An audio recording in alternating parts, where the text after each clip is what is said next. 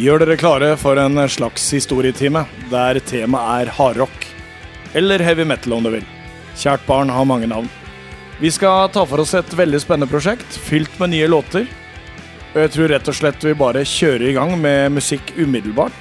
Så kan dere der ute tenke litt på hva dette minner om. Mitt navn er Espen Skistad, og hjertelig velkommen skal du være til en ny utgave av 120 desibel.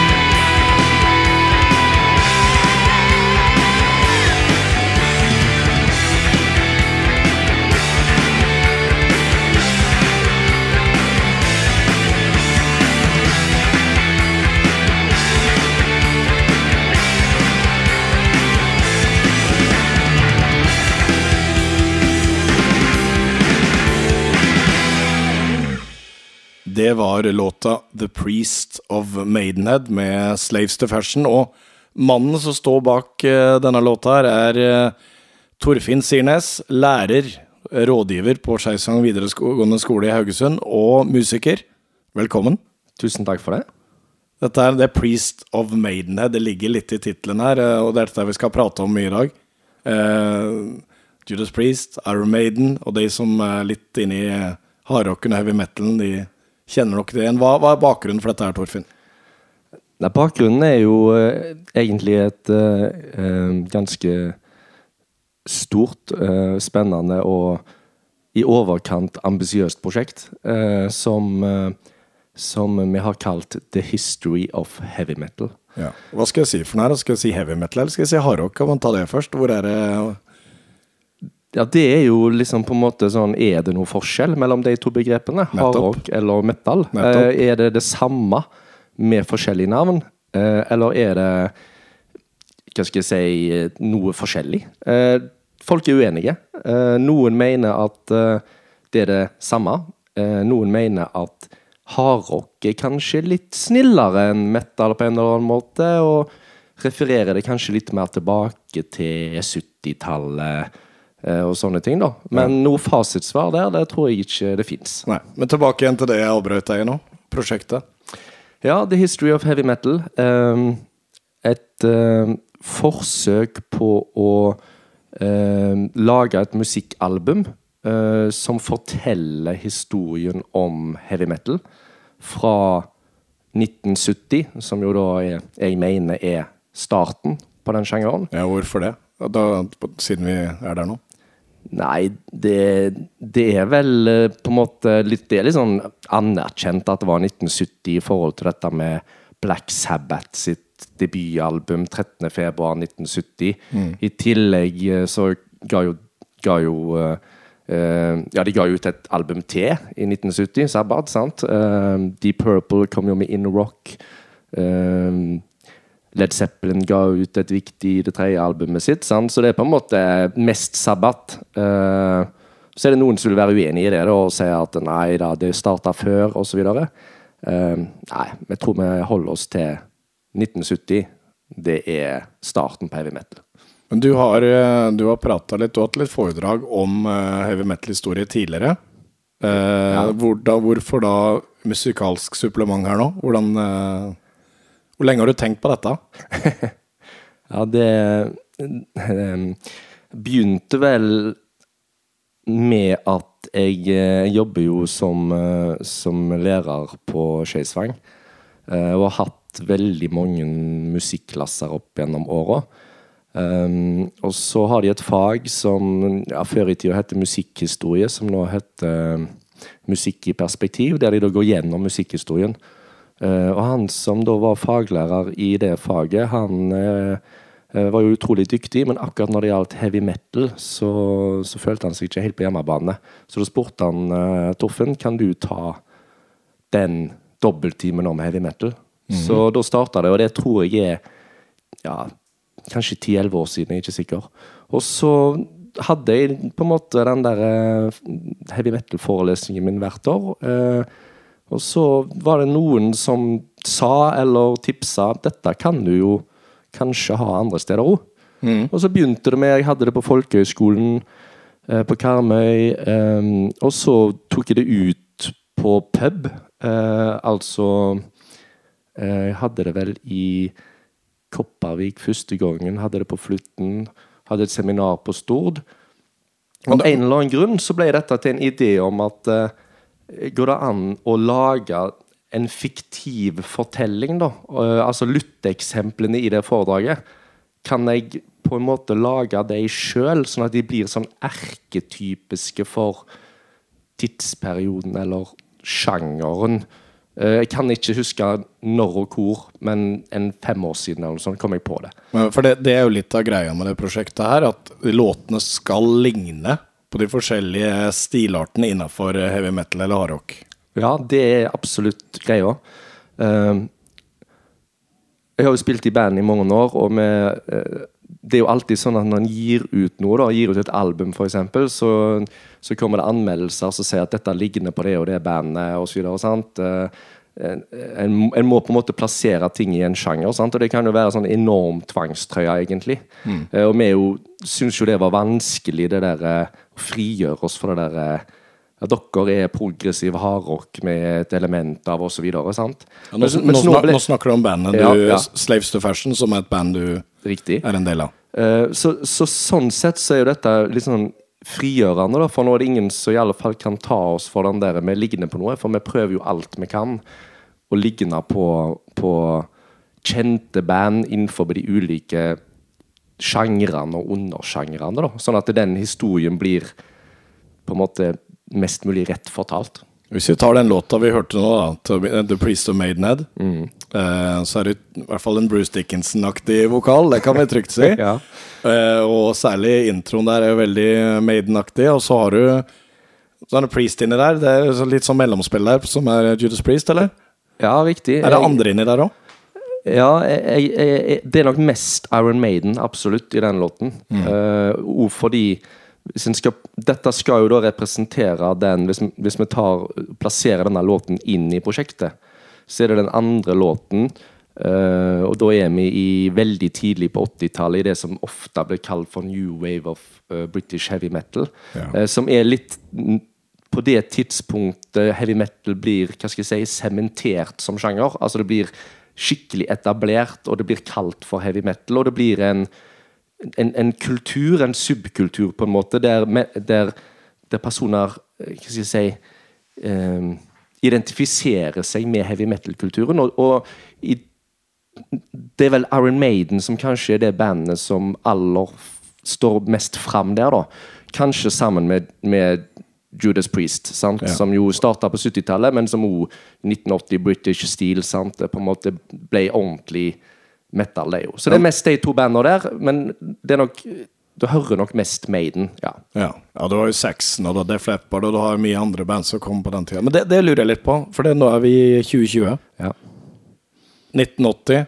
Bare ta og se om jeg husker det. Da hadde du Back in Black med ACDC. Du hadde Iron Maiden med Iron Maiden. Ja. British Steel med Judas Priest. Du hadde Ace of Spades med Motorhead. Uh, se om jeg har glemt noen. Saxon kom med en veldig uh, plate da. Altså Ja, du hadde, du hadde Heaven. Heaven and Hell Heaven eh, and Hell med Black Sabbath, og så har du Sabbath. debutplata til Ozzy, så det skjer jo sjukt mye i 1980. Så det er jo eh, god grunn til å si Var litt inne på dette med at 1970 er året på en måte alt starter. Så kan en jo kanskje, hvis vi skal være som sånn symbolske, da, bruke eh, tiårene her. At 1980 er det året heavy metal som på en måte sjanger og kulturfenomen virkelig blir etablert. da. Men er det noe du har tenkt på, eller kunne dette skjedd i fjor? Altså, for det er jo Da har du jo Det er et sånn slags jubileum både for det ene og det andre. Dette har jeg tenkt veldig på. Ja. ja, At det er 2020 det skal skje. Absolutt. Ja. Eh, helt siden tre-fire år siden så var det i 2020 som var poenget. Og, og den aller første låten vi ga ut, den kom jo ut 13. februar 2020. Altså nøyaktig 50 år etter Sabbat slapp sitt debutalbum. Så det var en sånn Jeg, jeg syns det var en fiffig idé. Det var ingen som fikk med seg den fiffige ideen. Men, men, men det, var, det ble veldig viktig at det var den dagen det starta, da. Eh, det med 1980 er ikke så viktig, men det med 1970 og 50 år, Ja. det er et stort poeng her. ja. Ja. ja, det er herlig. Men eh, når du, når du har gjort dette her, har du um, Har du oppdaga nye ting med hardrocken som du ikke hadde tenkt på tidligere? Ja, jo enormt mye. Altså Dette er jo et gigantisk tre. Uh, sånn heavy metal family tree. Altså Det er så sjukt mange ulike typer musikk og, og sj- sj- undersjangre. da. Uh, I starten er det ganske ryddig. På 70-tallet er det ganske ryddig. På 80-tallet så begynner det å bli en del ulike varianter. Sant? Du har det skillet mellom glam metal og trash metal spesielt. Sant? Som to store sjangre. Men så har du òg en del andre ekstreme metal-sjangre som utvikler seg. Uh, mens på 90-tallet så eksploderer jo dette, egentlig, i at en kombinerer ulike elementer. sant? Uh, så ja, jeg kunne nok uh, Jeg har alltid vært interessert i den historien. Jeg har ikke hørt så mye på old school norsk black metal, men jeg var litt interessert og fascinert av at det var der, på en måte. Sant? Så jeg leste litt om det. Jeg klarte ikke å høre så mye på det når jeg var ung gutt. Men det har alltid fascinert meg. Men jeg har jo lært enormt mye, for jeg har jo rett og slett måttet forske meg inn i disse ulike eh, undersjangrene. da. Så det har gått utrolig mye tid med til dette her. Ja, jeg tenker på, og Dette er jo et uh, miljø som er veldig sånn eh, nøye på altså, Det er kanskje noen som hører på nå som tenker nei, Blue Cheer var kanskje det første metal-bandet, eller heavy metal ble nevnt i Born to be Wild med, med Steppenwolf. Men altså, tenker du på de tinga òg når du holder på her nå? Ja, jeg tenker på hva som er den oppfatningen, eller gjengs oppfatningen av av, av sjangre, starten som du er inne på her, osv. Og, så videre, og, og det har jeg jo merka på, på disse foredragene, at når jeg, når jeg er ferdig med dem, da, så kommer det ganske mange fulle, kritiske personer opp og mener noe veldig sterkt om et eller annet. og det det kommer vi sikkert litt inn på senere, men f.eks. for eksempel dette med visse heavy metal-sjanger som ikke er så akseptert av heavy metal-fans. For eksempel.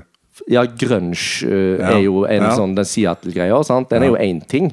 Da kommer jo uh, kommer en eh, etter meg etter et foredrag, eh, opp til meg etterpå foredraget og, og Du, du var jækla bra, men eh, grunge Jeg hater det! For det, for det, tok, det tok livet i anførselstegn av, eh, av hardrocken på, på 90-tallet. Ja, og så identifiserer en seg ikke med det som heavy metal. sant? Altså, Metal-fans har gjerne sine preferanser for hva som er bra musikk, og hva som egentlig er heavy metal. Og der har du jo den derre new metal-bølga som kom for 20 år siden, sånn rundt 2000. Det er jo sånn Når de begynner å rappe i metalen, det er det mange som syns er veldig problematisk. Da snakker vi, vi Limp Bizkit og eh, Linkin Park, Linkin sant? det er i bandene der spesielt. Ja. Og, det, og det Det er ikke helt stuereint, sant? Så det, det er jo veldig mye meninger her om, om, om disse tingene. Absolutt. Men ta litt sånn eh, rundt musikere. Altså, det, dette her er jo veldig mye din baby. Du valgte å kalle det at det er Slaves to Fashion. Hvordan, hvem har du med deg her? Hvordan eh, har du organisert dette? Det var, det var jo en liten prosess det der om, om hvordan det skulle uh, Altså hvilket navn det skulle gis ut under osv. sant? Uh, um, for jeg starta jo veldig mye å skrive på dette prosjektet sjøl. Tekster, skrive musikk osv. Men eh, etter hvert så var det de gode, gamle mus musikervennene mine som ble involvert. da. Eh, Johannes Støle, som jo sang i 'Slaves to Fashion'. Vidar Ingvaldsen, som spilte trommer. Eh, Jon, Jon Henry Lind, som spilte bass med oss en periode, hjalp meg òg en del. Sant? Så når de ble involvert, så følte vi vel litt at eh, vi begynte å ligne på et band igjen. Eh, så alle, alle disse her som har vært med i, i 'Slaves to Fashion', har en rolle ennå. Hvilke andre er det vi har der? Er det Ja, nå har ikke Thomas Mortveit var jo med oss og spilte en periode. Han uh, har ikke vært med på noen låter til nå, men han har jo sånn ekspertise innenfor en, en del sjangere på 90-tallet, så han kommer jo til å være med der. sant? Uh, um, Stein Arild Grønås uh, har jo spilt live med oss. Uh, vært med oss på spillejobb i, på festival i Finland. Han har vært med ganske mye. Uh, til og med Ben Nerdal, som har spilt bass med oss litt. Grann. Han har vært med på en punkelåt vi har lagd osv. Så, videre, sant? så det, på en måte, nå kommer jeg ikke på alle i farten, men det, det er liksom litt familien da som er, er, er med på dette her. Uh, i, men så har vi jo Du nevner Finland her, da. Bare ta en avsporing der. Der har jeg hørt noen rykter om at dere bodde i noen koselige trehytter inne i julenisseland. Ja, Nå får jeg får jeg får høre litt om det der. ja, ja nei det, Det var med Slaves to Fashion, det. Ja, det var ikke en turné, det var en sånn én festivaljobb om, om sommeren. Jeg, vet ikke hvor lenge siden det er. ti- Ti-tolv år siden. Rovaniemi, I, i, I Rovaniemi, ja. Ja. Uh, Simerock i Rovaniemi. Eh, sånn, sånn, det er sånn som skjer når en spiller i band. Plutselig så får du en veldig rar spillejobb, og så uh, tenker en ja, dette må vi jo bare gjøre. For det, for det blir jo noe å fortelle om etterpå. Sant? Så vi fløy jo med uh, 120 kilo med utstyr uh, fra Haugesund, I mellomlanda i Oslo, Helsinki og kom fram til Rovaniemi. Eh, og bodde i, i no, eh, riktig, du er godt informert, noen koselige trehytter. Ble tatt veldig godt vare på. eh, var der eh, tre dager. Eh, spilte òg en konsert eh, og gjorde veldig mye annet rart. Var nakne i badstue. Eh, hang backstage på, på festivalen, og det var ganske mange store, kule Kjørte det finske livet med sauna og Hadde dere sånne kvister og sånn òg, eller? Uh, Jeg kan ikke huske det, men jeg kan huske det var veldig rart det der sitte i sauna og så gå ut nærmest naken. og uh, Vi fikk ikke lov til å ha med oss alkohol inn i saunaen, men fikk lov til å drikke med en gang vi gikk ut. Eh, altså, det var sånn nei, sjukt. Det Det var Ja, fikk litt sånn OK, sånt, eh, sånn er finnene. Men hvordan var mot Finland er jo et uh, hardrockland, uh, med Hanno Rocks og det nyere med, med, med flere band der. Men hvordan ble mottagelsen for en gjeng eh, haugesundere i Rovaniemi? Det var faktisk eh, utelukkende finske band på den festivalen. Så var det, med unntak av oss og et band fra Bergen som nå søren meg har glemt ut hva heter. Jeg lurer på om det heter Malice in Wonderland. Er det et band som heter det? Jeg lurer på det. Ja, Uh, så det pekte meg litt med. Uh, ellers var det bare finske band, og de fleste sang jo òg på finsk. Sant? Så det var veldig kult, og jeg tror, tror det var Statovarius eller Sonata Arctica som var headliner. Så det okay. var jo ikke noen sånne var sånn småting, liksom. Nei, det var, Hvor skikkelig mye folk var det på Nei. Vet ikke. Nei, 10 000. Ikke når vi spilte. Nei da, men uh, ja. følelsen Ja, så Var det, bra. ja det, var, det, det er en sånn ting som var veldig, veldig gøy. Ja, absolutt. Men litt, litt tilbake til de du har med deg. For det som jeg syns er interessant her, som jeg syns er kult, det er jo Det er en del eh, meget dyktige vokalister her. Men som ikke folk eh, for flest forbinder med metal. Eh, Du har nevnt Johannes Støle. Han synger jo i Slaves to Fashion, så det er greit. Men ellers, må fortelle litt. Um, ja um, jeg har- Vi har vel tenkt litt sånn at Johannes uh, synger på de låtene som passer. Uh, sånn som for eksempel uh, Han sang jo på den aller første 1970-låten vår, og så sang han på hair metal, glam metal-låten. Ehm, så har vi jo fått en annen utrolig talentfull vokalist med oss, da, som har vært med på flere låter etter hvert. Uh, og det er Mats Pedersen uh, fra, uh, fra Karmøy. Og han er jo relativt kjent for mange, men overhodet ikke fra, fra metal-miljøet, da. Men han sang jo en Jeg syns iallfall han sang en veldig kul eh, Bruce Dickinson uh, Ja, Jeg skal ikke si parodi, for det skal ikke være en parodi. Dette, Nei, nei, men altså, ja. Og, og det er han som synger på låta vi hørte innledningsvis. riktig. Ja. Uh, og så har han jo eh, gjort uh, trash metal-låten på prosjektet. Uh, Hva, hva syns han sjøl om, eh, om eh, å gjøre dette? Han, altså vi kan Ja, ja. si han, han synger veldig mye. Han har eh, kirkekonserter, ja, han synger med gospel, kor. Jeg veit at han har gjort eh, rocka ting, eh, Rolling Stones cover tributes og sånn, men eh, ja. Ja, Han har jo gjort disse her tribute-konsertene på Karmøy, sant? flere av de. Så han Det er jo kjent at han er allsidig, men, men at han klarer å nagle Dickinson, James Hetfield, nå, nå etter hvert en eller annen grunge-vokalist. Han, Eh, han burde jo bare begynne med dette, spør du meg. Ja. ja. Nei, Han syns jo at det er veldig kjekt. Eh, Nå kan ikke jeg svare for han, men eh, Nei. inntrykket mitt er jo at han syns at det er veldig, veldig kult å være med på. da Ja, absolutt. Ja, det, det, det hører vi jo. Det høres så bra ut. Jeg tenkte, Vi har preika så mye om 1970 og begynnelsen og alt dette her, at jeg tror rett og slett vi setter på låta som starta hele prosjektet ditt, og som er en hyllest til Black Sabbath og litt Deep Purple, vel, tenker jeg. Ja, det er de to bandene mest. Vi har jo, har jo uh, Vi har jo med et ordentlig B3 Hammond-orgel uh, på den låten der. Så vi, med litt, av, litt av greia her har jo vært at vi skal spille inn låtene sånn som en faktisk gjorde den gangen. Uh, og, og den låten gjorde vi i, i Athletic Sound i, i Halden, der de tar opp alt på tape. Eh, det er en eh, haugesunder som driver det nå, en tidligere elev av meg, faktisk, Dag Erik Johansen. Sånn at det, vi fikk liksom den viben av å spille inn låten på den måten de gjorde den gangen. Live, de fleste instrumentene, på tape med gamle forsterkere eh, og, og, og, og så videre. Da. Så ja, den den låten er jo absolutt mest Sabbat, uh, Deep Purple, og kanskje liten touch av Led Zeppelin nå. Selv om Led Zeppelin er jo litt omstridt oppi dette her. Da kjører vi 1970.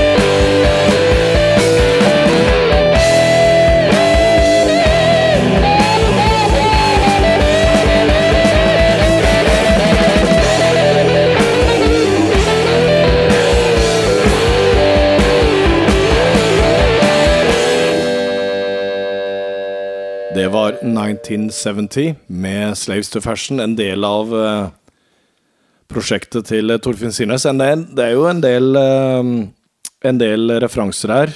War Machine, du har Warpigs, du har Machine Head med Purple, du har Zeppelins are Falling to the Ground. Hvor viktig har det vært å bake inn litt sånt i tekstene? Jeg har vel tenkt en del på Jeg har tenkt mye på tekstene, absolutt.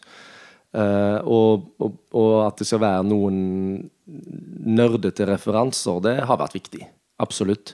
Akkurat den låten her er vel ikke er vel mer sånn å prøve å skrive en tekst som har en vibe som en kunne finne igjen på den tida, mer enn at det skulle være fullt av referanser. Det, jeg har vel angrepet de ulike låtene litt forskjellig når det gjelder det, da. Men, men eh, at det er at det er et poeng at det skal være et veldig nerdete prosjekt, det er det absolutt. Så det er ikke tilfeldige ord her. Det er det ikke. Nei. Ja, Vi kommer til å spille litt flere låter eh, etter hvert her, og da kan eh, dere som eh, hører på nå, bare lytte litt ekstra etter referansepunkter i låtene. Det kan vi være enige om. Ja, det, ja jeg, jeg vil jo gjerne det. Ja. det jeg syns jo det er gøy. Ja, det syns jeg òg. da får vi nerde litt. Eh, du, vi har nevnt at du er lærer, rådgiver, musiker. Eh, når ble du interessert i, uh, i hardrock? Ja, ehm, jeg er født i eh, Må nesten ta det der eh, litt sånn biografisk fakta for at en skal forstå det. Jeg er født i 1977. Ja. Så du var, en Eh, liten, du var en liten gutt da det var på, på det høydepunktet var eh, Sant? Ja. Uh, og jeg begynte å høre på noe som ligna på hardrock i 1986. Da var jeg ni år. Og det er vel I dag er vel det relativt ungt å begynne å høre på en spesiell sjanger, mens uh, det var jo ganske vanlig den gangen, tror jeg. sant? Hva skjedde i 1986? Da kom jeg Snakker vi om et svensk band da, eller? Vi snakker om et svensk band. Um, vi snakker om Europe. Uh, og vi snakker jo om Ti i skuddet. Uh, Ja. Og vi snakker jo om at, at det var liksom den store tingen akkurat når jeg begynte å høre på musikk. Så det er jo det, er jo det som er starten. Uh, og det var jo eh, Det var jo midt i Ja, for jeg, hør, jeg Ja. hørte at før dette så var det a-ha.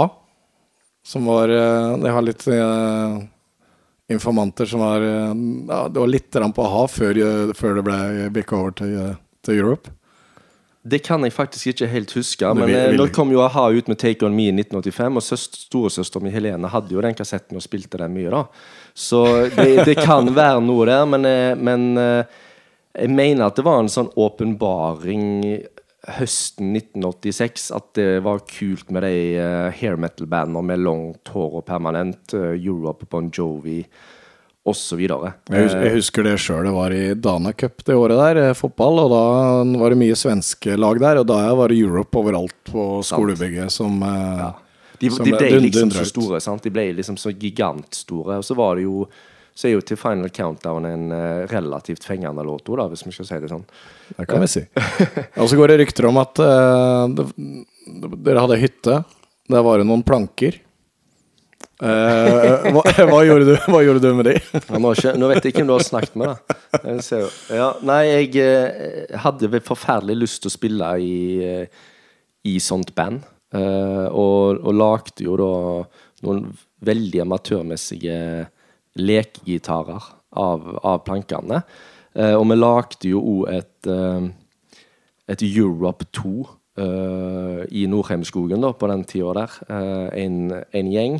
Eh, og jeg var, var Joey Tempest i det bandet. Det varte ikke så lenge, eh, det der bandet der. Og det var bare miming, Det var litt av avansert luftgitarspilling. Du hadde faktisk eh, instrumentet, Ja, ja sant. i anførselstegn. Ja, sant. Det, det var jo det. Så det, det um, Jeg fikk lyst til å, å på en eller annen måte spille i et band, tror jeg. Det skal Europe ha. De ga meg den lysten der. Eh, Så kunne det jo veldig fort stoppet opp uh, Ja. med den interessen. Eller du Sp gått spilte du noe instrument da? Ja, jeg uh, fikk noen pianotimer av mor som gjorde at jeg i hvert fall skjønte noe musikkteori veldig enkelt. Spill piano 1. Jeg kom igjennom det heftet der. Uh, så hadde vi en akustisk gitar stående. som gikk an å stemme, og så prøvde jeg litt på det. Ja. Um, ja. Men da var jeg jo bare ni, ti, elleve år, da. Ja. Har, du, har du sunget noe? Nei, lite. Uh, Lite. Litt korsang, eller? Ja, i, i, i, på Nordheim. Ja. I, i uh, Tensingkoret der. Ja. Um, Men altså, du var eh, Kan du si at du var en OK fotballspiller i dine unge år. Når, eh, når ble du mer eh, musikk og mindre fotball, og hvorfor? jeg tror vi kan ta På den tida der, så for, dere, for de som hører på, som er, er omtrent på den alderen, da, så var det sånn skoledagbok Det var veldig viktig på den tida. Det var sånn temabaserte skoledagbøker. Ja? Garfield-skoledagbøker. ja. Eh, og, da, og da var litt sånn ja, Pusio, ja. ja Hvilken skoledagbok velger du? på en måte Jeg tror det var en sånn ting. ja. Og, Stemmer det. Og jeg gikk jo over fra eh, fotballskoledagbok, og det var jo veldig mye sånn lag ditt eget drømmelag og masse greier, og månedens spiller og, og masse fakta om fotball, til heavy metal-skoledagbok. Men du, du, du var kretslagsspiller. Det var såpass bra da det var en eh, 14-15, stemmer ikke det? jo da, i en veldig kort periode så var jeg kretslagsspiller. Eh, Ja, veldig kort periode. Ja, men når, ga, når, eh, når og hvorfor ga du opp eh, fotballen? For jeg tipper det var en drøm en periode, det òg. Ja, det var det. Nei det var vel Det var noen i nordmiljøet Vi eh, kom jo fra, fra Nordheim sant? og nord som sa at si- Torfinn, er blitt mer interessert i gitar, for jeg ser at han får lengre hår og begynner å gå med en gitarkoffert forbi Nordhuset på vei bort til Melis. Så da skjedde det et eller annet. Men det var vel sånn offisielt sett en, en kneskade som gjorde at jeg ikke ble juniorspiller. Eh, og så var jeg mer interessert i musikk på den tida. Det, var, det ble på en måte fra Nordhuset til Slakthuset, hvis du kan si det sånt. Ja, men vi, vi sier at du har eh, Du jobber på Skeisvang videregående skole, som er eh, både allmenn, og de har eh, musikk, dans og drama. Men du gikk ikke musikklinja sjøl. Hvorfor ikke? Ja, det er faktisk en ganske god historie, fordi, og den bruker jeg som rådgiver i dag. Jeg sa jeg, jeg, jeg, jeg, husker det som at jeg sa hjemme at hadde, det hadde jeg lyst til. Og så sa, eh, sa mor til meg at det, det kunne jeg ikke, for jeg var ikke god nok å spille gitar.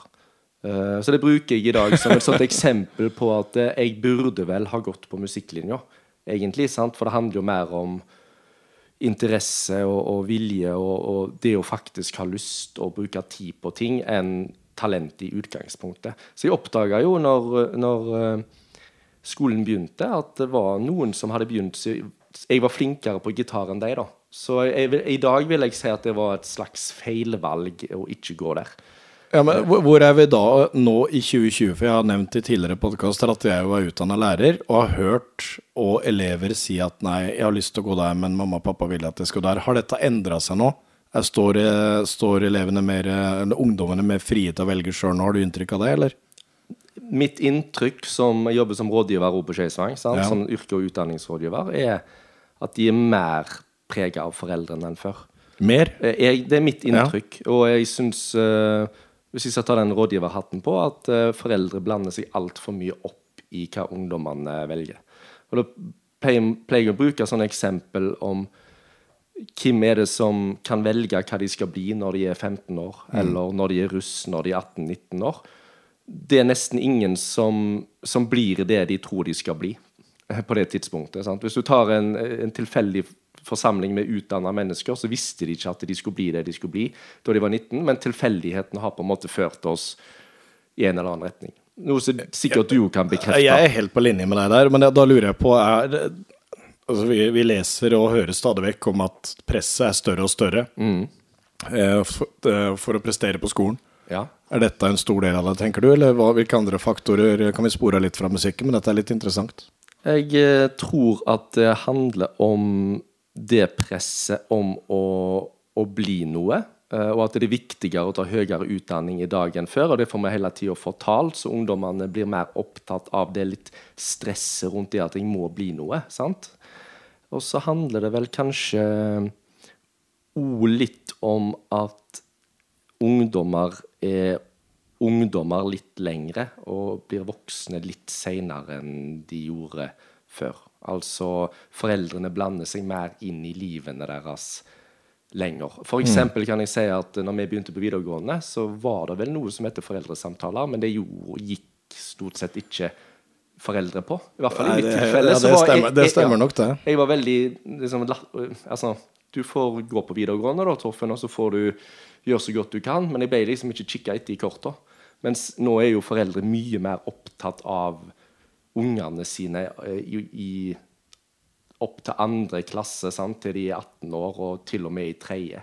Så det, det, det er nok noe som har skjedd der òg. Ja, altså, jeg, jeg, jeg husker jo, jeg valgte jo videregående, og jeg valgte jo skole i forhold til uh, kamerater og sånn, ja, men tenker du nå at det i enda større grad er han eller hun som skulle blitt snekker, faktisk går på allmenn og burde ikke gjort det?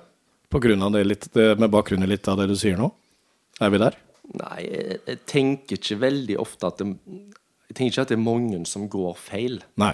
Men jeg tenker vel heller litt sånn Ja vel, hvis du går feil, da, så får du enten bare fullføre og gjøre noe annet etterpå. Og det er jo en fin erfaring. Eller i verste fall får vi prøve å bytte på en eller annen måte. Sånn at det må være lov til å ta feil, da, eller, eller gjøre i hermetegn feil valg.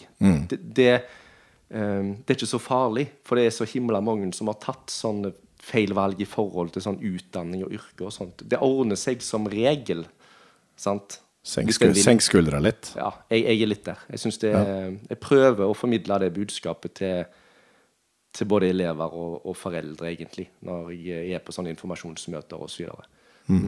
Ja, spora jo litt av her, men da du eh, Når, når spilte du band eh, på ordentlig?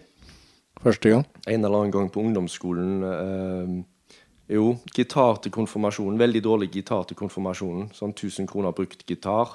Eh, en gjeng som gikk i klassen, lagde et grungeband i 1992-ish. I 15-årsalderen, tror jeg vi kan si det. Ja, mm. Og siden så har det balla på seg med forskjellige ting? ja egentlig. Ja. Eh, tilbake igjen, og skal vi ta opp tråden fra før vi hørte 1970. Vi var så vidt innom Led Zeppelin. Eh, hvorfor er det litt sånn eh, ja, omdiskutert om det er eh, metal eller ikke?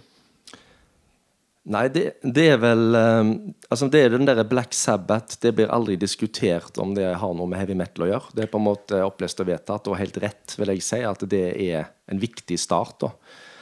Eh, og Deep Purple blir ofte slengt på O i den bølga der, sant? Selv om, selv om mye av det heavy soundet til Deep, Deep Purple egentlig er det, det vrengte orgelet til John Lord. Så det er jo en sånn rar ting, det der, da. Ja, ja. Eh, så har du Led Zeppelin som eh, Som det er liksom diskutert Er dette Hvor viktig er de for utviklingen av sjangeren, da? Det er vel egentlig det som er spørsmålet. Og det er vel to ting der som, som slår meg, og det ene er at de går litt vekk fra det hardrock-soundet og blir veldig varierte og progressive på en måte i uttrykket sitt. Akustiske, ikke minst. Sant? Og litt sånn folkelementer og alle de tingene der. Uh, på den tredje og fjerde plata. Og så er det vel tror jeg det er litt viktig at de ikke vil vedkjenne seg å være en del av historien. Altså De nekter på en måte å stille opp på intervjuer i forhold til heavy metal, og, og at det jo har gjort at de blir sånn Ja. eh, Ikke helt tatt med i den historien, da. Ja, De har rett og slett tatt avstand fra det sjøl? Ja, rett og slett. Eh, og vil ikke eh, de, Kanskje var de òg så store at de trengte ikke å bli plassert inn i en smalere kategori. Jeg tenker litt høyt her, men det kan være noe det. Og de var jo gigantisk svære på midten av 70-tallet. Ja. Ja. Ja, men jeg tenker litt i, i samme draget, da. Så tenker jeg også på ACDC. Eh, Nå hopper vi litt i forhold til tidseboka der den uh, Priest of Maidenhead, som vi hørte innledningsvis, eh, den tidseboka den skal liksom reflektere. Ja. Uh, det er mange som mener at ACDC det er rock'n'roll, det har ikke noe med hardrock å gjøre. Hva er tenker sant. du da? Ja, det, det, er jo, det er jo en klassisk påstand, og, og det er jo Det er jo rett i dag, men det handler jo òg om at heavy metal-sjangeren, begreper, utvikla seg veldig, da. Sånn at det som var tungt og hardt i gamle dager, eller før, det er høres ut som rock i dag. Og det tror jeg ACDC passer veldig godt inn. At det, det slo nok folk litt mer i trynet når de hørte ACDC i 1976 enn når vi hører det i dag. Um, eksempel eh, første plata til Led Zeppelin var en jeg Snakket med etter et foredrag um, Det er vel da for ikke så lenge siden. 69? 69, ja. sant? Um, og han, eh, Da ville han ha ordet i foredraget mitt, for da hadde jeg et foredrag om, om hardrocken på 70-tallet. Eh, og Da diskuterte vi litt dette med Zeppelin og soundet, og er det, hvor tungt er det, og osv. Og, og så sa han at eh, når han hørte Led Zeppelin for første gang i 1969, så var det som noen slo han i trynet. Det var så tungt, og det var så hardt, eh, at det var liksom, han hadde aldri hørt noe lignende. Og det er litt vanskelig for oss å forstå i dag. sant? Hvordan det egentlig var å sette på den LP-plata. og Hvordan hørtes det egentlig ut? Hva opplevelse fikk du?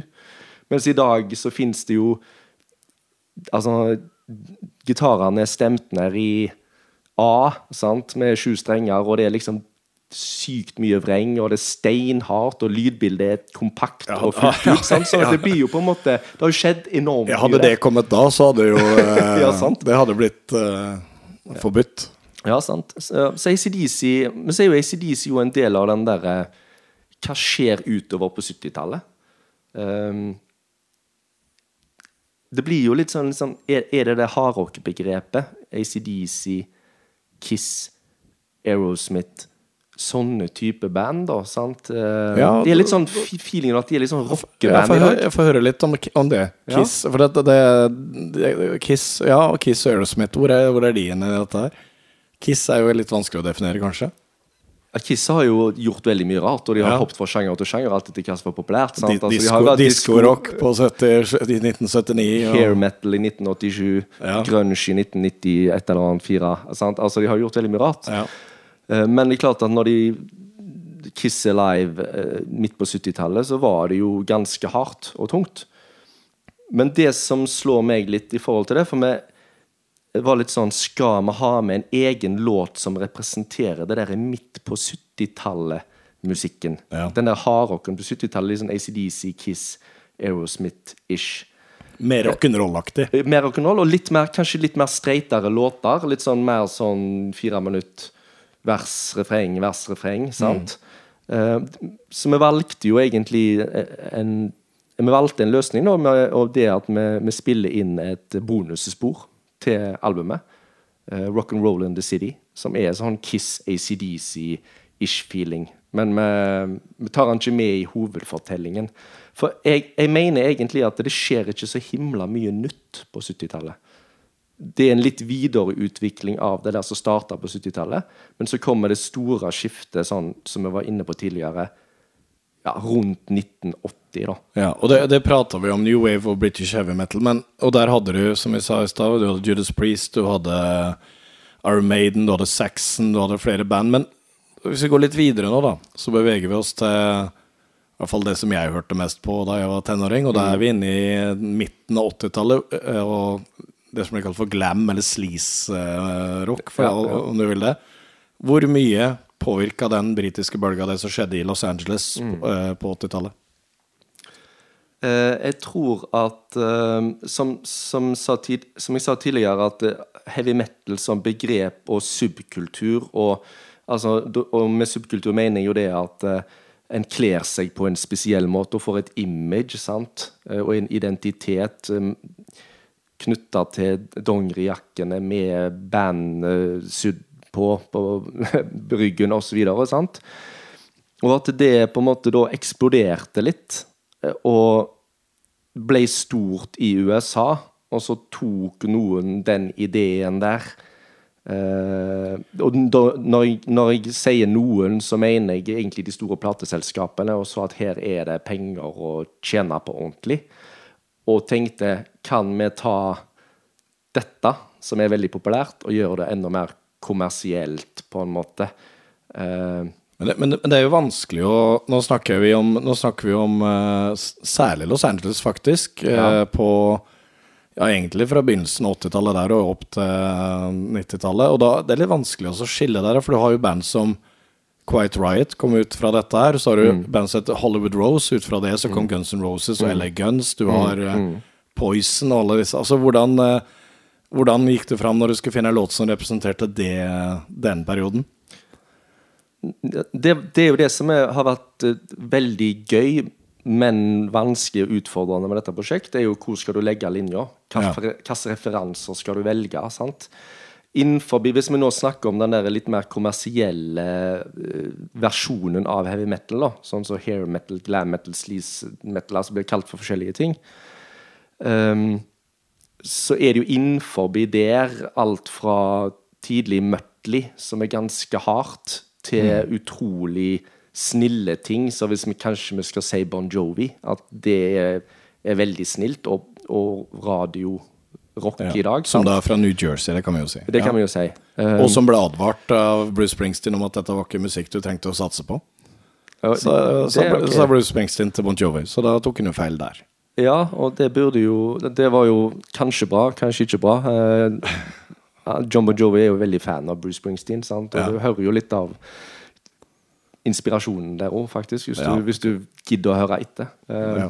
Nei, tilbake til spørsmålet. Jeg tror ja. Du må på en måte velge da om du skal gå en gyllen middelvei. Altså Få det til å høres ut litt både som Mutley Crew, men òg Bon Jovi, hvis den låten skal funke og høres ut som om han er typisk 1986 hair, hair metal eller glam metal. Det var i hvert fall det vi prøvde på. Og det var i den eh, perioden da, da kom jo keyboard også, eller synthesizere for fullt. Og Absolutt. Noe som f.eks. Mutley Crew ikke brukte, men som jo veldig mange andre sånne type band som Europe og Bon Jovi brukte masse av for å få det til å bli mer melodiøst, mer radiovennlig osv.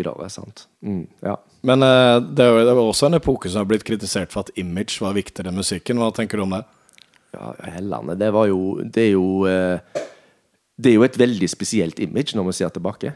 Altså eh, eh, Veldig andre, noen- androgynt. Ja, noen tenkte jo på det. Altså, det er jo, det er jo uh, unge menn som ser ut som Prøver å se ut som fine damer. Altså, Hvis vi skal ta det veldig enkelt. Da, altså, Poison er jo kanskje det verste eksempelet eh, der, da. Um, Ja, det, det husker jeg faktisk. Jeg hadde kjøpt første Poison-plata. Jeg kjøpt, nerda og kjøpte masse blader.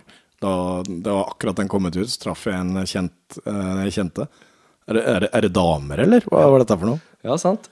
Det er veldig, det er veldig rart å se tilbake på, men det, men det appellerte jo merkelig nok til damer, da. Altså, for nå blir jo jenter eh, fan av sånn type musikk for første gang. Så du får jo, da får du jo økt markedsandelen 50 da, hvis du får med det andre kjønnet òg. For det der new wave of hit, British heavy metal tidlig på 80-tallet, det var jo veldig sånn mannsdominert kultur. sant? Så her skjer det jo absolutt noe. Uh, altså Jentene syns at disse unge mennene som så ut som de sjøl, var sexy. Uh, Ja, ja, ja, ja, ja. Jeg, jeg var jo så Jeg var jo veldig ung, da. 1986 og 1987. Du husker kanskje bedre Jeg prøvde å, prøvde å ha samme hårfrisyre. Nå er det for seint, og det tåler jeg godt. Men på den tida så var det et halvt tonn med studioline i håret, og så var det og Ja. så bustet det til så mye du kunne. Og ingen syntes at det var rart da. Nei, det var eh, kult. Ja, Trodde, trodde i hvert fall sjøl. Ja. Nei, så det, Jeg, jeg syns jo at den Den sjangeren da som vi snakker om nå, den, den er jo omdiskutert, for det er jo mange metal-fans som mener at dette har, er, har ikke noe med metal å gjøre. Men jeg mener jo at det har, er en viktig del av historien nettopp fordi at uh, det skjer. Altså Det kom en sånn enorm kommersiell utgave av heavy metal. Uh, og det er interessant. sant? Og, og, og i kjølvannet av dette, så tenk, jeg tenker i hvert fall, kan du korrigere meg, som, eh, men jeg tenker i hvert fall at uh, det var en ny sånn eh, dårlig norsk eh, revival. Altså, det var litt å sjokkere. Jeg husker jeg kjøpte Kjøpte Stay Hungry med Twisted Sister og turte ikke å vise coveret til mamma. Det var eh, Wasps som hadde eh, falskt blod i hodeskaller, og du hadde Mutley Crew som kjørte på Det skulle sjokke litt. Skulle absolutt det. Uh, I hvert fall i starten av, Ja. de, av denne perioden her. Mens uh, uh, Og nå, nå, vi, nå refererer jo du til en del av de tyngre bandene som gjerne kan bli øh, karakterisert som heavy metal. Sant? Mens, øh, og det var jo brukte jo sjokkrock-effekter, på en måte. sant? Um, uh, men, men det ble stuereint. Altså, det er jo litt av greia. Det ble jo stuereint. Det var sånn at foreldrene syntes at det var greit å høre på den musikken. Ja, jeg husker, jeg husker jeg fikk lov å ha det på i bilen med pappa. Han brydde seg ikke. Da hørte jeg på alt fra Maiden til Mutley Crew til, til Priest. Men eh, jeg spurte jo litt om det, hva de har dratt med seg. For jeg, nå skal vi høre snart en låt eh, fra den perioden. Det er jo Sex, Drugs and Rock'n'Roll det var kalt den. Mm. Koringa der, da tenker jeg litt Leppard. Ja. Stemmer det? Ja, eh, det Leppard også er jo sånn her altså, Er de et hair metal-band? metal? De begynte jo i 1980, de jo, eh, som du nevnte tidligere. Eh, Så ble de jo veldig kommerse, sant. Men de hadde jo et en, en ting som gjør Def Leppard veldig kommersielle, er jo vokalen og koringene. Uh, det var jo han John Mutt Lang som produserte 'Hysteria' med Def Leppard, som kom ut i 1987. Og det er jo sånn Som, det, ja. som hadde gjort Cars, han hadde gjort uh, Highway to Hell, uh, Back in Black med ACDC før det. Riktig. Ja. Han hadde jo en sånn triks da, som var ta opp vokalisten Joe Elliot, vokalisten i Def Leppard, veldig mange ganger. Altså multitracka vokalen for å få den der litt fløyelsaktige harmonisoundet som jeg hører. sant? Så når vi skulle, skulle gjøre den låten her, så har vi jo tenkt sånn Hva var på en måte etoset? Hva var, hva var greia den gangen? Ok, vi må multitracke vokalen, sant? Og så begynte Johannes Støle, da, vokalist, å multitracke. Og så tok han vel litt av. Så, så, vi endte, så, så hadde vi Mats eh, Pedersen, som jo har nevnt O, til å trekke vokal. Og så tok jeg og gjorde noen ego, som endte opp med 196 eh, backing vocals-spor på denne låten. på, den, på den vi skal høre nå? Ja. Ja, men da, da skal vi rett og slett høre hvordan uh, Sex, Drugs and Rock'n'Roll høres ut med en haug med, med vokalspor på. Yeah. Same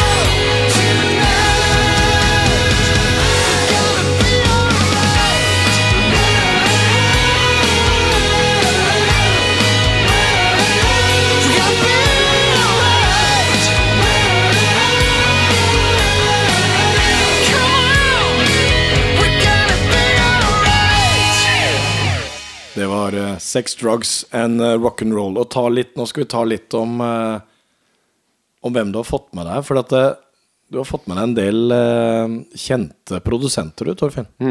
Eh, for de som ikke kjenner til det. Bo Hill. Han har vært med og miksa denne. Han, har- han har miksa låten, ja. Han har miksa låten. Han har da på, på 80-tallet stått bak plater med Kicks, med Warrant, med Europe. Er det flere? Rat var veldig Ja. gjennombruddet deres, som var tidlig i den glam hair metal-greia. Ja, Winger, som var et sånn band som var store senere, og som fikk uh, skikkelig en smell når uh, tidene skifta og grunchen kom. Så han har jo gjort veldig store band innenfor denne sjangeren her. Absolutt. Ja, og så har du eh, Flemming Rasmussen, som vi skal høre ei låt etterpå som er innenfor trash-sjangeren. Mm. Som har produsert Metallicas tre første album. Ja, eh, Eller ikke, ikke, det første. ikke det første, Kill Em All, men han gjorde Ride the Lightning, Master of Puppets og And Justice for All. Ja. Så det er tre, tre store album på 80-tallet, ja. Mm. Og så har vi Du har jo flere låter vi skal snakke med om. Du har jo noe som heter power metal, der vi har eh, kanskje Halloween som er inne der. Og det er en som heter Tommy Hansen, som eh, Hva har han gjort for noe der? Ja, Med Halloween. Ja, han, han produserte jo eh, Den låten kom jo ut i, i høst, da, i, i, i, i september kommer den låten Da den ut. For låten vi gir jo ut eh, Det er jo en greie her. Ja. jeg vet ikke om jeg nevnte det, men vi gir ut én ny låt hver måned i 2020. Blir mye, blir mye jobbing. Ja, det er veldig mye jobbing. Godt jeg har uh, avspasering som lærer i nå. Men altså, ok, dette er i hvert fall kjente navn innafor uh, Innenfor hardrocken. Hvordan har du fått disse med på, på prosjektet? Nei, det har vel egentlig stort sett vært samme framgangsmåte.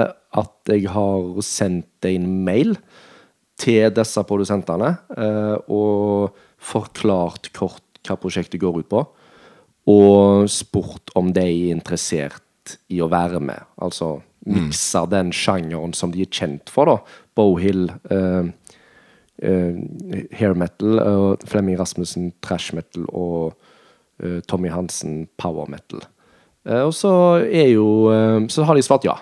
Eh, veldig enkelt. Men det, det er jo spennende, det. Ja, det er utrolig gøy, eh, og gir jo en sånn ekstra ja, boost for oss. eh, På en måte at det er store navn, selv om de er selvfølgelig fra si, litt fortida, da. Som er, er med på det. Kjempegøy. Men så er det jo, det er jo sånn at nå slipper de å komme hit, eller du drar dit. Riktig. Eh, Da, Ja, nå er, jo, nå er det jo den digitale verden er jo på en måte i, i musikkverdenen, sant? så det funker jo eh, Med alle disse tre så funker det jo på den måten at vi sender filene som er tatt opp, til deg, og så mikser de det i sitt studio. Um, Bohill han, eh, jeg tror ikke han er i Los Angeles lenger, men han er i USA. Uh, Flemming Rasmussen har jo fremdeles uh, studioet sitt i København, og, og, og Tommy Hansen hun jobber jo i, i Danmark. Så det, det er jo sånn det funker. Uh, og det er jo veldig spennende da å få de miksene tilbake, selvfølgelig, for å se om de har catcha greia, viben, liksom. Uh, Ja. Det, med, med, med, har du vært fornøyd hver gang, eller har du justert mye underveis? Har du, har du sendt ja. filer fram og tilbake? Ja, jeg har uh, litt forskjellig. Nå har vi jo fått to mikser, den av Bohill og den av Flemming Rasmussen. Den, den, den, med, den fra Bowhill, den, eh, den var veldig bra når den kom. Eh, så ba jeg om noen uh, små justeringer. Eh, da svarte han at eh, No, it, eh, I think it's right in the sweet spot. Så han, han gjorde ikke noe endring. Han vil- han vil ikke det. det. Så det er jo morsomt.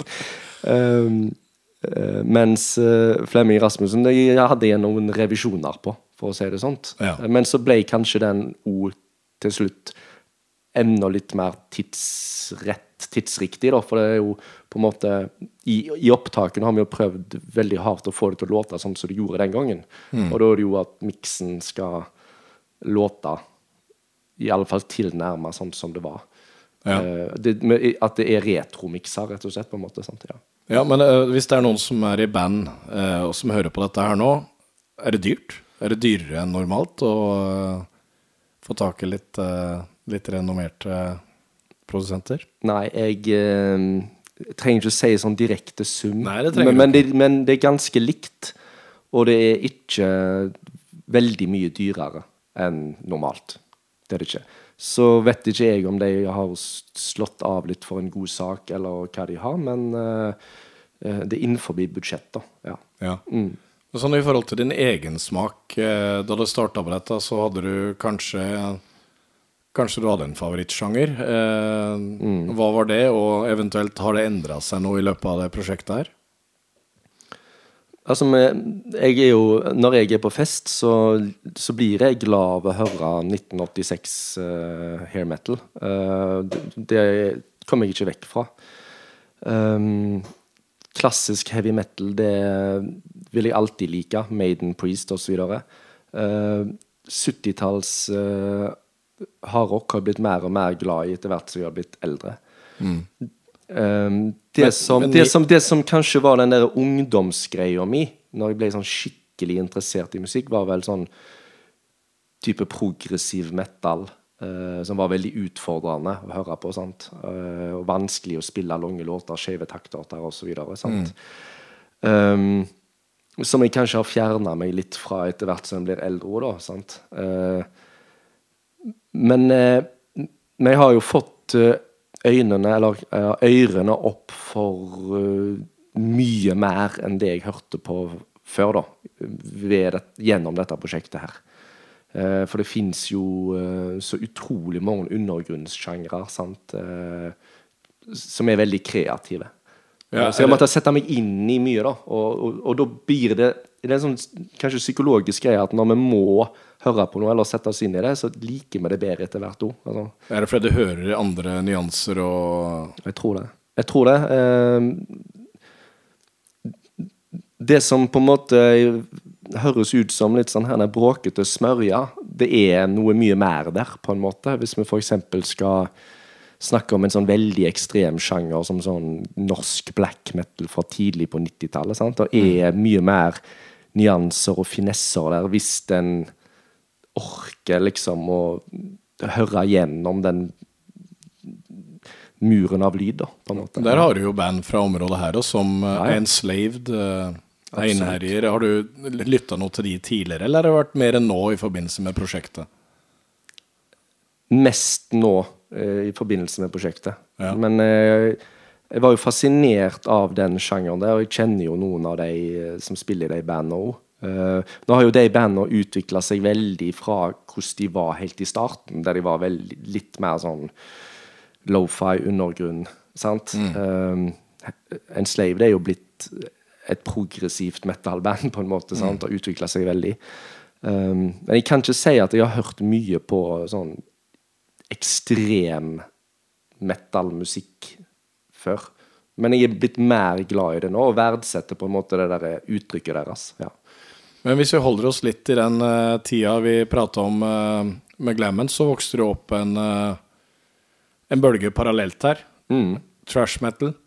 Ja, og da er vi jo litt inne i det der med Når vi nå begynner å snakke om litt mer ekstrem musikk, så er jo, er jo trash-metalen um, Hva skal jeg si Den uh, stygge kusina til glam metal, på en måte. sant? Altså eh, Det er ikke i Los Angeles. De flytter fra Los Angeles. Der er jo Metallica et eksempel på at de gjør det fysisk. Altså De flytter nordover til San Francisco, der det er mer undergrunnsmiljø, vekk fra Sunset Strip. sant? Og, Og og ikke ta- så mye pudder og Sant? og Ikke så mye sminke heller. Nei. Sant? Og, og på en måte Det kommer en sjanger ut av det som er veldig annerledes, og som er, er, er mer aggressiv, raskere, mer samfunnskritisk.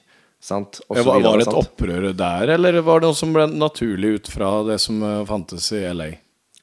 Eller Jeg tror, det, jeg tror det er en, en reaksjon og en litt sånn her en, mm, mm, De hater på en måte den der kommersretningen, sant? Mm. så de ville gjøre noe annet. Og så er det vel en videreføring av den derre uh, heavy metal, tidlig 80-tallet, Maiden Priest-greier. sant? Mm. Hvem er de viktigste eh, i trashen, da? Bortsett fra Metallica. Ja, det er jo Metallica som er, er først og størst, sånn sett. Men så er det jo det blir, Dere har jo en sånn de fire store sånn Metallica, Slayer, Megadeth, Antrax. Ja. Eh. Og så en rekke andre band, bl.a. fra San Francisco, Testament, Exodus osv. Så, videre, sånn. så det ble jo en, en stor greie med trashen, da. Eh, Men dette var mer en amerikansk greie enn en britisk greie, var det ikke det? Jo, veldig amerikansk. Ja. Absolutt. Eh, eh, I Europa tok den, den litt mer ekstreme, raske formen en litt annen vending. Den der Speed metal så ble litt til power metal. Sant? Så trash metal var veldig amerikansk. Det som er interessant med den, var at den ble jo da nye, den nye stemmen for disse her unge, sinte guttene, på en måte. sant? Um, men, men, så, men så skjer det noe annet interessant, at den nå blir jo etter hvert kommersiell. Eh, For da skulle alle plateselskapene ha hvert sitt trash metal-band. sant? Og så ender jo dette med, med eh, si, Black Album av Metallica, sant? når vi har kommet til 91. Som vel er produsert av Bob Rock, samme mann som produserte Dr. Feelgood med Motley Crue. Så da, Sant. da møtes det igjen der. Det møtes igjen der, og, og, og på en måte Det blir en slags vendepunkt for trash metalen, da, at det blir ord kommersielt. sant? Men var, var, det, var det da en del som tok avstand fra det? Altså Var det da kun gode gamle Metallica som, eh, som gjaldt? Jeg eh, I, i trash metal-miljøet så var det sånn at eh, Metallica var Judas, på en måte, og hadde blitt kommerset. Ja, For da kom jo balladene for fullt. De hadde jo riktignok smakt litt på ballader før, men da, da hadde de to stykker på samme plata. Ja, og så hadde de jo på en måte Balladen varte i to og et halvt minutt på 80-tallet, sant? og så ble det jo steintøft. Eh, mens nå var det jo ordentlig ballader. 'Nothing Else Matters' husker jo mange, sant? som kanskje den derre da er, da, er det, da er det skjedd noe, da. Sant? Men det som er spennende med det, er jo at når til og med den litt ekstreme trash metalen sant, blir kommersiell, så oppstår det jo nye, mer ekstreme retninger under det igjen, fordi at eh, opprøret må ha en stemme. Sant? Death metal. Uh, sant? Men, men hvordan, hvordan har det gått fram eh, da du lagde Hvordan gikk det fram da du lagde Trash of the Titans, som eh, du har kalt uh, trash-låta? Hva var viktig å få med der? Um, hva er det som er typisk trash metal? Det går fort. Det er riffbasert. riff-basert. Det er en uh, aggressiv vokal. Downstrokes. Ja, mest downstrokes på gitaren. Uh, det uh, for de som kan litt om gitarteknikk. Um, Ja, kan du si hva du gjør da? Downstrokes, for de som ikke kan det. Da spiller du uh, nedover på strengene. Hele tida. Og fort som bare søren. Ja. Ja. Eh, tempoet, sant? Ja, så uh, den eh, sjangeren er jo, er jo veldig interessant, da. Uh, det, jo, det var jo det å lytte mye til de klassiske trash metal-platene og finne en sånn her Hva er det egentlig som skjer her? Hvem er det som er viktige band? Hva er et typisk trash metal-sound? Kan jeg sette på denne, og så vil folk tenke at dette er trash metal? Det er jo liksom det som er målet, da. Da skal vi høre om du har fått det til. Her kommer Thrash of the Titans, og miksa av eh, Flemming Rasmussen, som eh, også har eh, en stor del av Metallicas lydbilde i seg.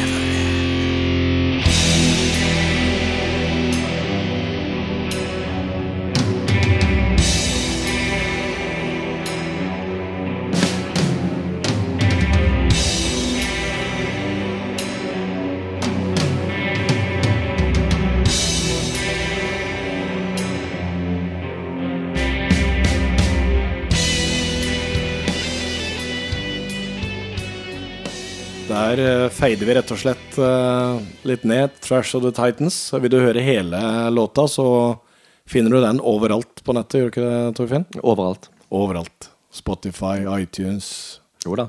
Ja da. YouTube, ja. Hva heter andre? Tidal, er det det heter? Eksisterer det nå? Ja, det gjør det. Napster var noe sett en gang. Ja, det, det likte jeg ikke Metallica så godt. Vi har snakka litt om vokalister. eh, og Johannes Støle fra Haugesund. Mm. Eller Karmøybu. Han er fra Haugesund, han er fra Støle, og det er vel akkurat innenfor grensa. Ja, innenfor grensa. Ikke i Han, han var en periode i, eh, i LA. Mm. Eh, tok vel utdannelse der. Ja, han gikk på Musicians Institute, eh, som er jo et veldig kjent uh, musikkuniversitet, må man vel kalle det. Og så var han innom en bar en gang. Hva skjedde der?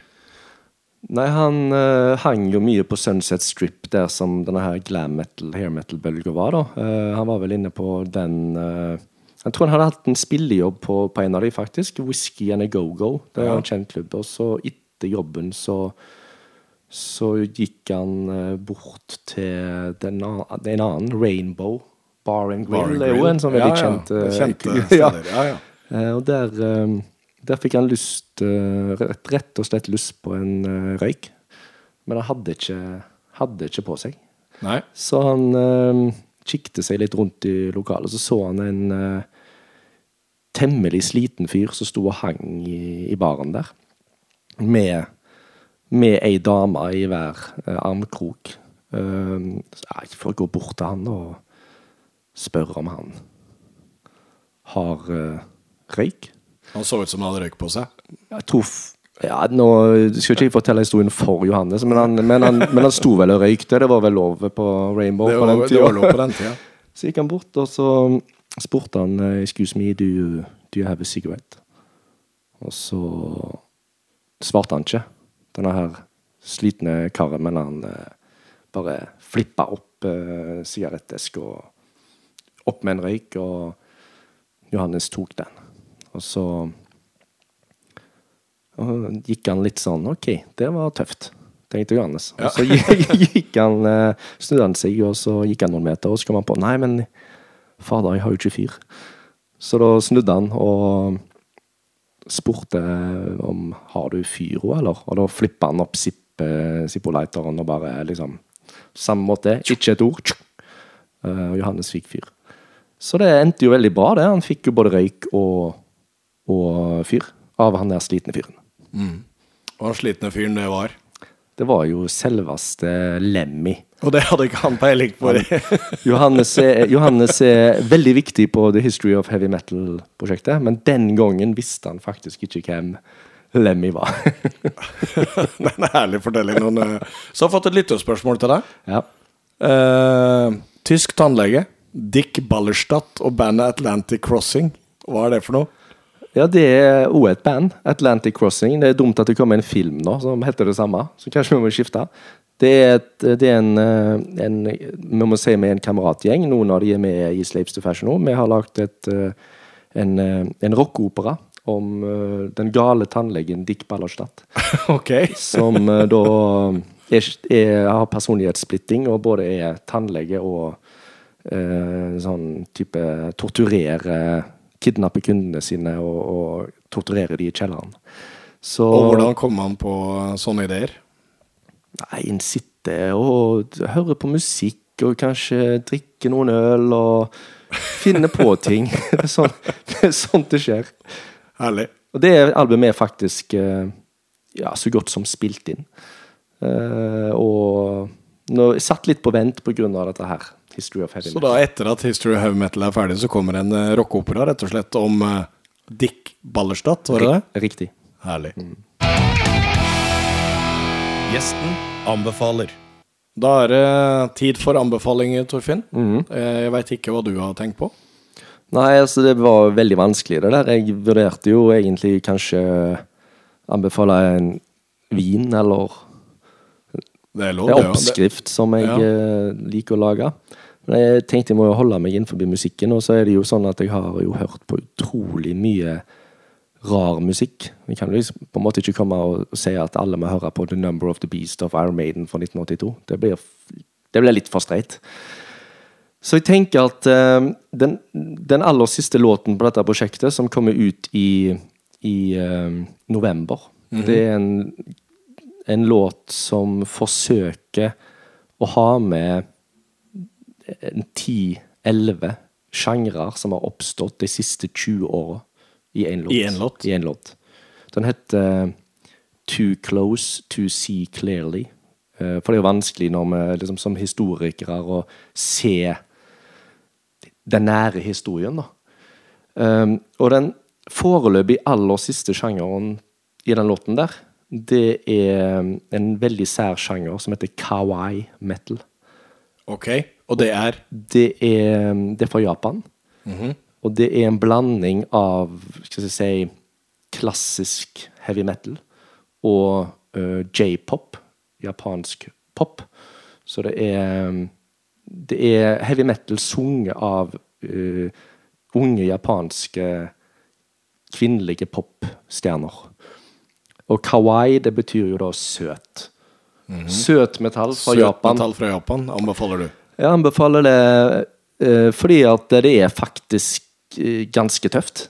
Uh, Jeg har aldri, aldri, aldri sjekka det ut. Uh, så du, det, det er litt sånn Ok, dette var ikke så dumt. Det kan være en tanke noen får.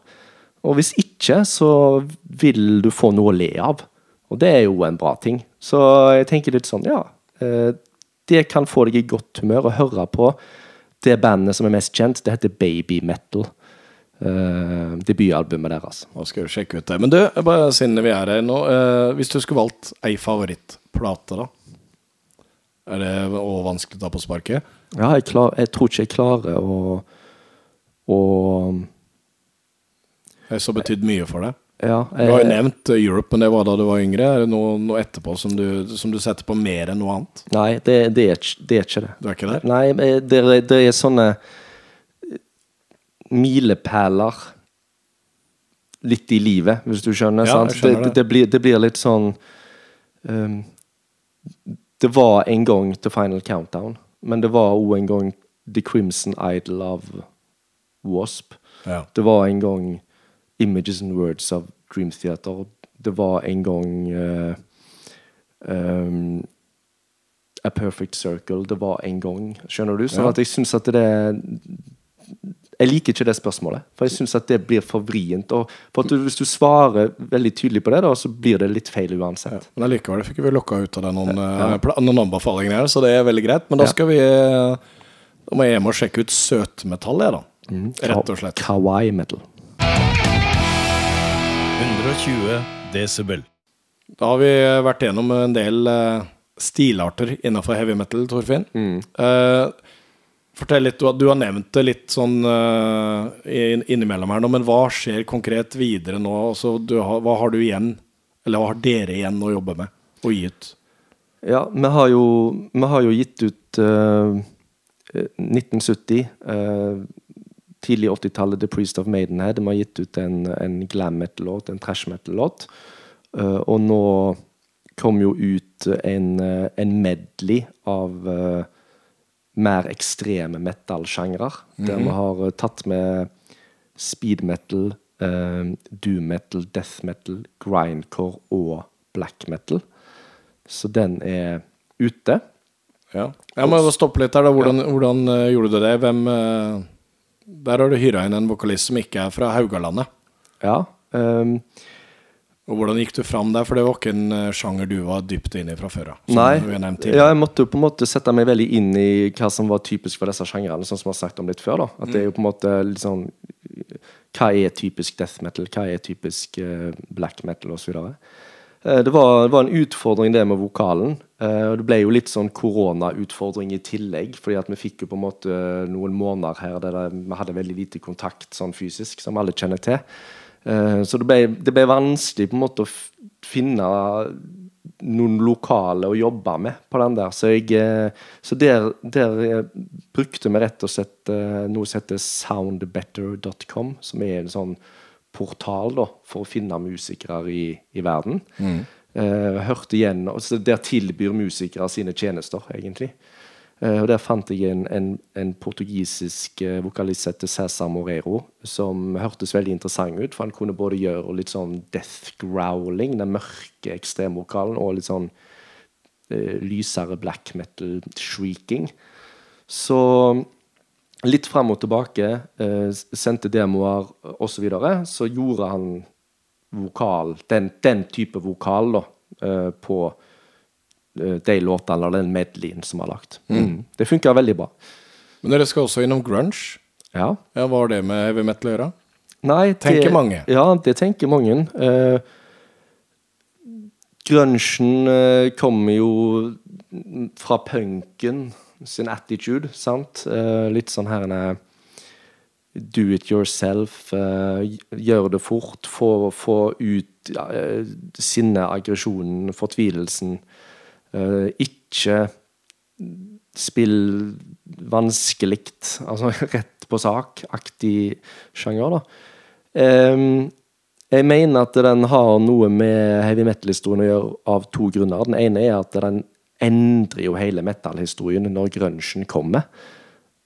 Glam metal, hair metal, det blir jo kjempe Altså, det, blir jo, det forsvinner jo Ja, det, nesten var, det var helt. dødsstøtet på den tida. Det var dødsstøtet, jeg husker det veldig godt høsten 1991 at eh, det skjedde, og at det endra seg veldig fort hva som var kult i, i garderoben på Nordhuset. da. Um, og at når jeg kom Nordhuset, bare for å ta det, du hadde sagt det, men Nord er da en eh, fotballklubb i Karmøy kommune. Riktig. Ja. Um, at um, det som var populært jeg, jeg kom med Judas Priest sin Painkiller en gang. Eller den dukka opp i garderoben. Og da var det det laget som var eldre enn oss. De lo rått av liksom at noen kunne ha så teit musikk som Painkiller. Ja. Og da var, vi, da var vi nok helt på slutten av 1991, etter at uh, Smells Like Teen Spirit med Nirvana var kommet. Sånn at det endra jo på en måte hele greia. Sant?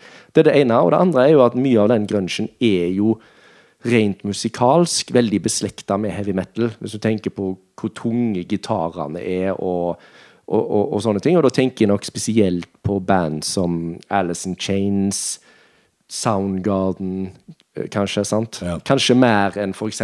Pearl Jam, som er, et litt streitere rockeband. Ja. Men det, det er jo jeg vet, jeg vet ikke om det var Jeg tror jeg leste et sted om det var vokalisten i Warrant som var i studio og kan du bekrefte og skulle spille inn Spille inn en plate og gikk forbi mens Nirvana holdt på og tenkte OK, nå er vi ferdig.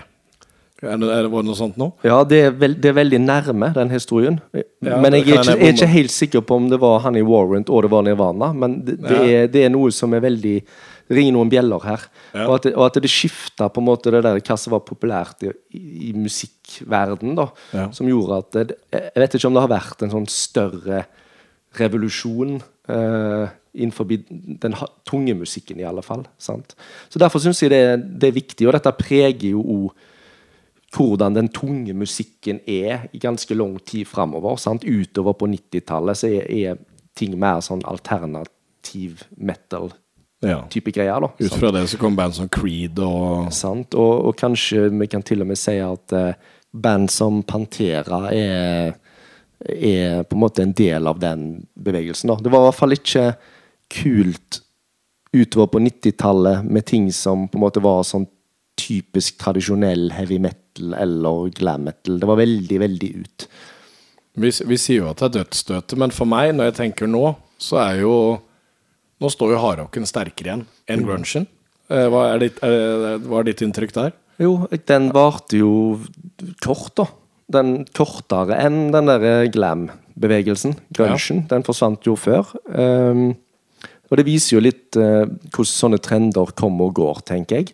Men så er det jo, er det jo interessant at når det dødsstøtet til den tradisjonelle metallen og glam metalen, og kanskje til og med trash metalen, altså at grunchen er det, så i, i undergrunnen, da, når det ikke er på en måte store selskaper som presser deg i en retning, så oppstår det jo masse kreativitet og masse nye sjangre og nye uttrykk igjen som Det spirer jo virkelig og gror i første halvdel av 90-tallet.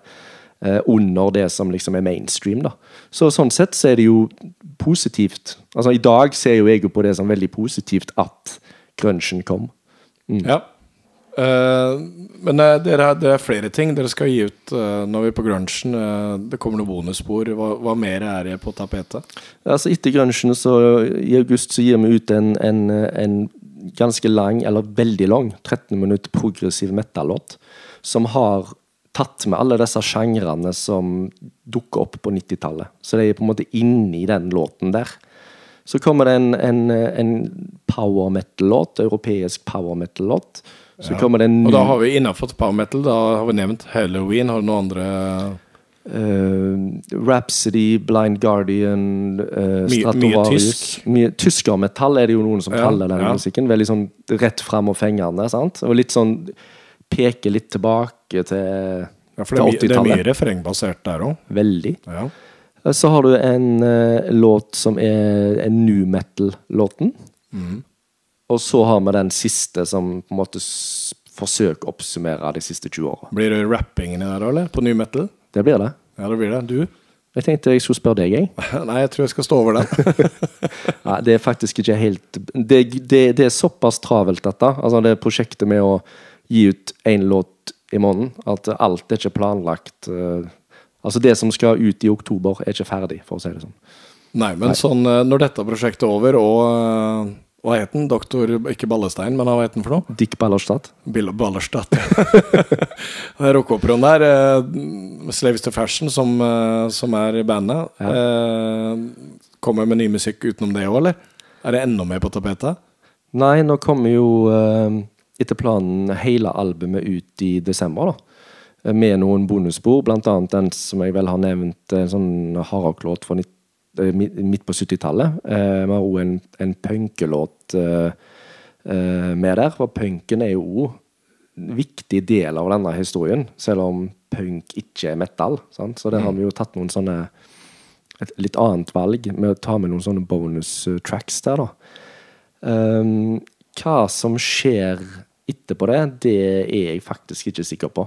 Men eh, det som er sikkert, er at eh, veldig mange av de som er med på dette prosjektet, og de som på en måte er Skal vi, skal vi kalle oss mer for et bandkollektiv enn et band? Det tror jeg er rett å si nå. Sant? For det er mange involverte som, som er en del av det. eh, Og at det ikke er så definert. Men at vi kommer til å lage mer musikk på en eller annen måte, det er jeg helt sikker på. Men det høres i hvert fall ut som du har uh, henda og ørene fulle framover nå. Så eh, jeg tenker jeg skal bare si tusen takk for praten. Det var veldig hyggelig. Takk for at du ville ha meg i den eh, veldig, veldig eh, interessante og gode podkasten din. Takk skal du ha. Og så tenker jeg vi skal avslutte med litt ekstremmetal. jeg. Eh, må si tittelen sjøl, tror jeg. Ja, det, det, er en, det er en medley bestående av fem ekstremmetal-sjangere. Eh, medleyen heter 'Expressions of Extremity'. Eh, og den siste av de sjangrene, det er eh, norsk black metal fra tidlig 90-tallet.